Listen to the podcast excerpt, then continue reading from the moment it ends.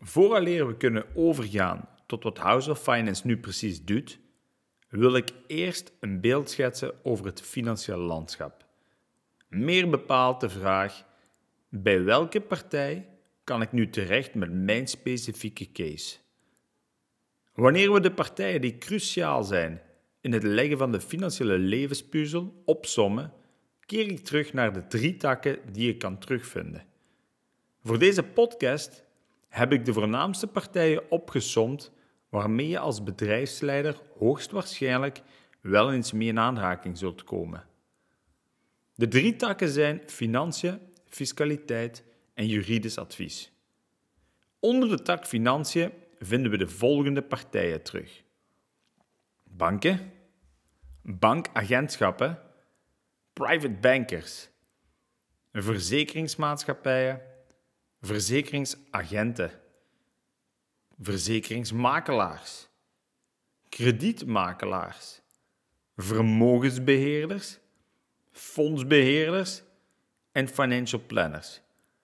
Dit waren in totaal tien verschillende partijen.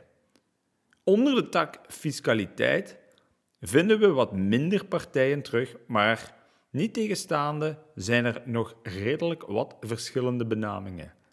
1. Certified Accountant 2. Certified Tax Advisor 3. Gecertificeerd fiscaal accountant 4. Accountant 5. Fiscaal accountant en 6. Belastingsadviseur. Last but not least, onder de tak juridisch advies 1. Juristen 2.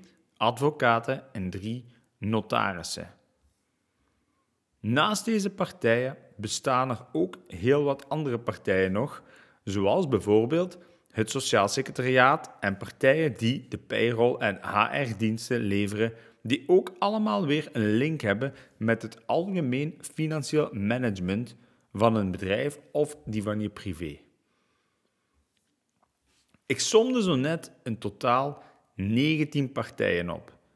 Je zou voor minder het bos door de bomen niet meer zien. Elk van deze partijen heeft zijn specialisatie en soms zijn deze specialisaties overlappend of binnen hetzelfde huis te vinden. Zo hebben de grotere boekhoudkantoren interne juristen. Zo doen sommige verzekeringsmakelaars ook aan financial planning. En zo verkoopt een sociaal, sociale kas ook wel eens een verzekering. Dit zorgt ervoor dat veel bedrijfsleiders denken dat alles wel goed geregeld is. Helaas komen ze erachter dat het niet zo is op het moment dat in veel gevallen te laat komt. Een van de takken die we niet hebben opgesomd, maar wel eentje is waarmee iedereen wel in aanraking komt, is vastgoed. Het zij voor de gezinswoning, het zij als investering, de aankoop van vastgoed, de timing en het type vastgoed zijn grote levenskeuzes.